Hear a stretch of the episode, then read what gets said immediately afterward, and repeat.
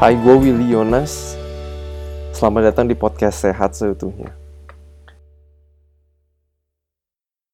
Halo, selamat datang lagi di podcast Sehat Seutuhnya bersama saya Willy Yonas.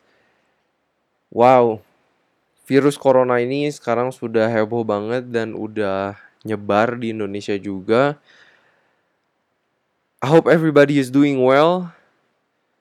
Kerja di rumah atau belajar di rumah, Ingat social distancing, sering cuci tangan, makan plant-based diet, makan makanan sayur buah yang tinggi akan vitamin C, zinc, beans, kacang merah kayak gitu itu tinggi tinggi akan kandungan zincnya itu juga ngaruh banget sama imunitas tubuh kita. Gua harap kalian oke-oke aja, kalian sehat-sehat aja. Hati-hati jangan jangan main-main juga dengan virus corona kita perlu hati-hati jadi jangan careless gitu ya. Cuman jaga kesehatan kita sebisa mungkin. Dari olahraga olahraga itu bagus banget naikin imunitas tubuh. Tidur yang cukup nggak begadang itu juga penting. Makan plant based itu juga penting. Makan sayur buah. Gua harap juga karena kalian lagi di rumah kalian bisa dengerin podcast sehat seutuhnya. Di minggu kali ini Gua pengen nge-share gimana sih cara masak yang lebih sehat. Oke, kalau misalnya kalian udah mau hidup lebih sehat setidaknya, selanjutnya itu kita perlu belajar masak kan. Kalau saran gue secara pribadi, mau hidup sehat, mau makan sehat, perlu juga kita tahu masak. Soalnya kalau kita bergantung dengan makanan dari restoran, number one, kita nggak tahu masak mereka kayak gimana, minyak yang dipakainya kayak gimana.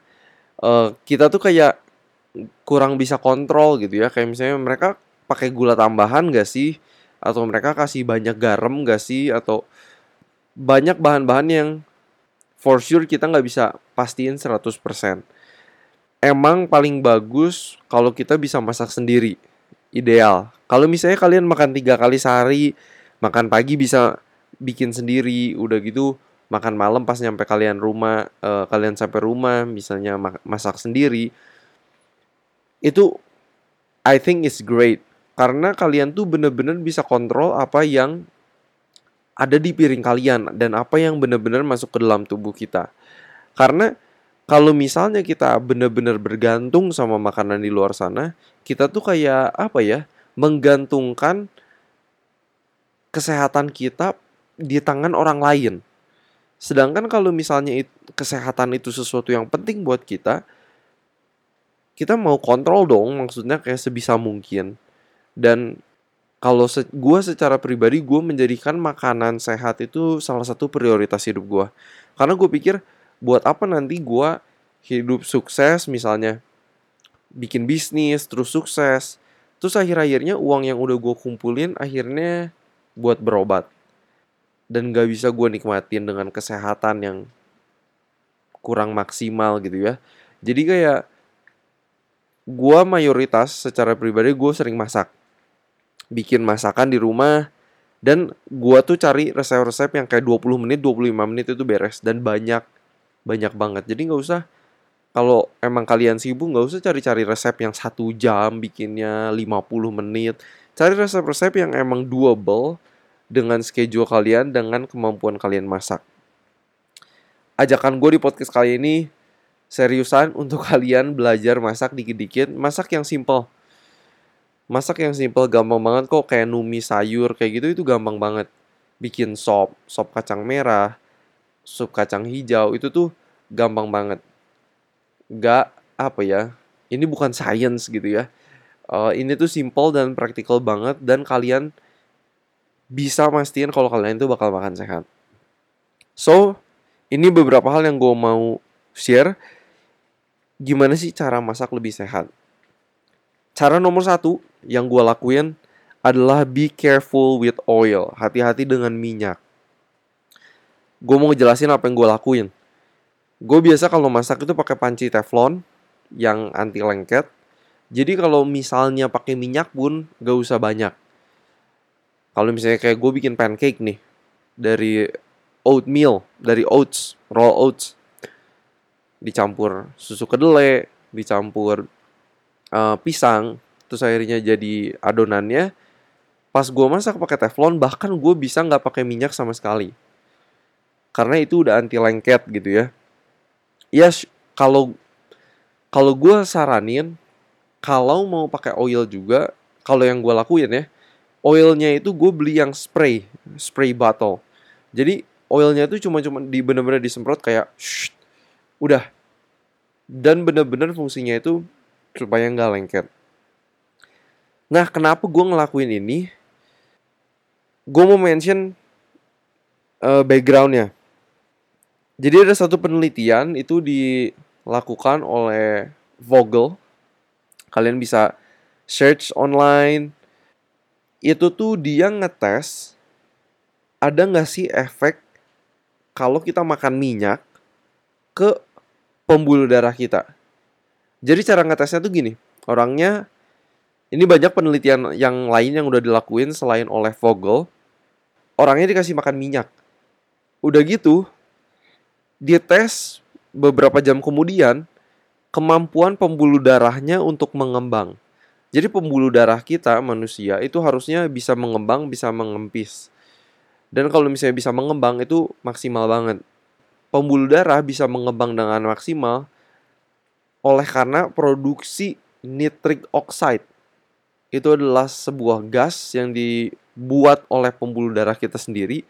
Itu bikin pembuluh darah itu mengembang. Nah, kalian pikirin deh, kemampuan pembuluh darah untuk mengembang itu penting banget untuk mencegahnya hipertensi, penyakit jantung, stroke, dan yang lainnya. Itu penting banget. Nah, kalau sesuatu yang bisa mengganggu mengembangnya pembuluh darah ini yang kita nggak mau. Ya kan? Nah, cara ngetesnya gimana? Jadi pakai itu blood pressure cuff itu alat yang buat Nancy. Itu aliran darah ke tangan kalian itu dimatikan sepanjang 5 menit atau selama 5 menit. Jadi kayak kita pompa sampai alat tekanan darahnya itu neken tangan kalian banget, arm kalian di daerah bisa sampai tricep neken banget sampai akhirnya aliran darah itu mati ke tangan. Nah, sesudah 5 menit si blood pressure cuff-nya ini, alat tensinya ini dibuka dan mereka mau lihat bagaimana kemampuan pembuluh darah orang ini setelah dikasih makan minyak.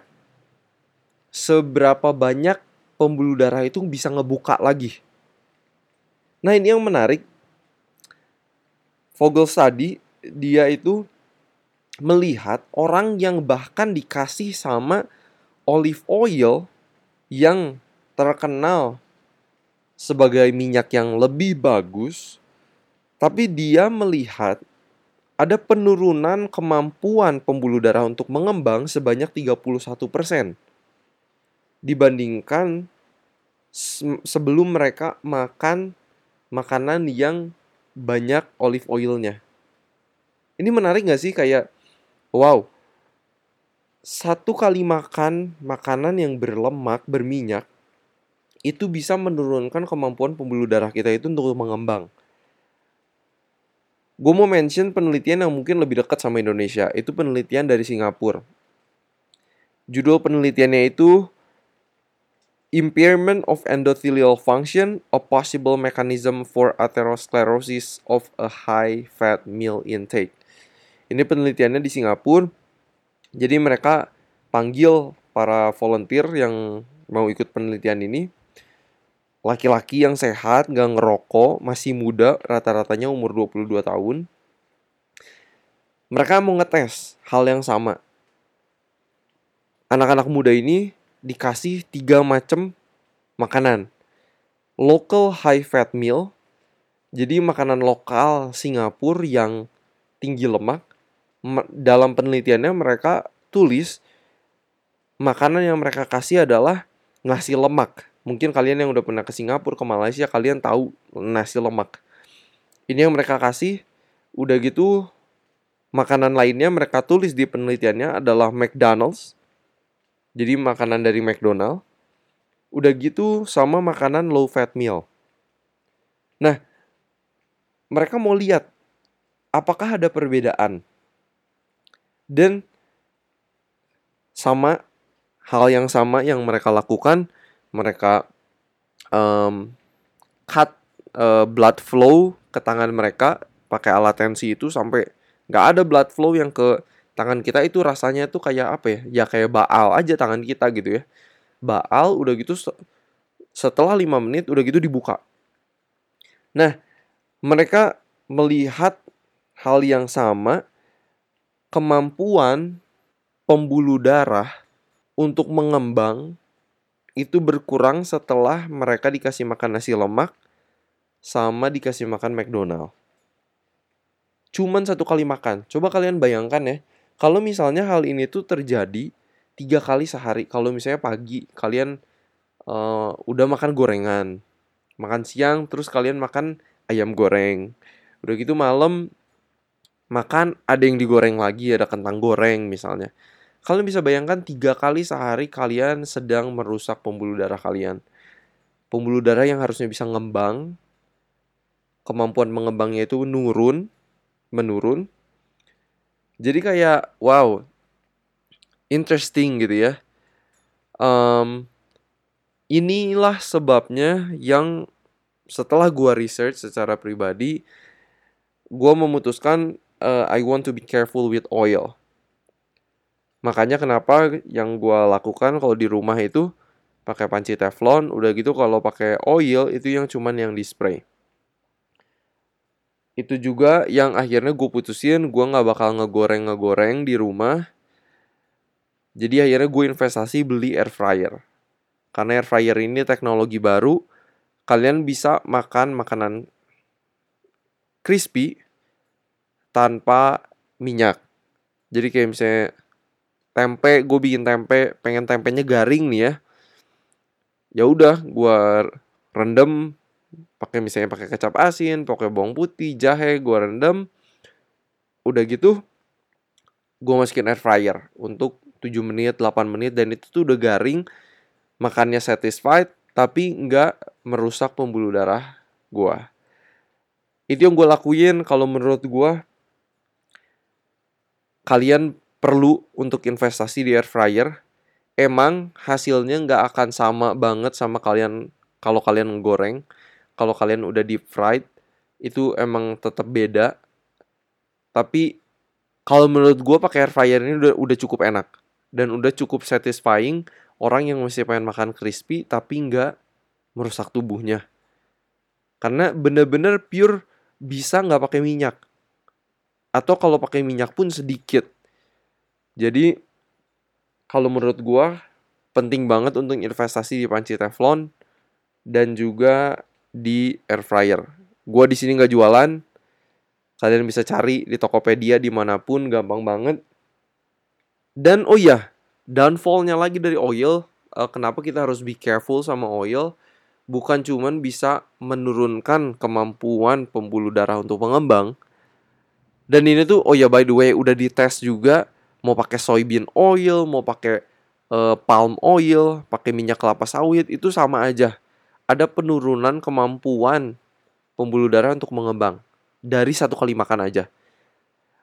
Um, downfallnya dari oil juga adalah satu gram fat itu 9 kalori.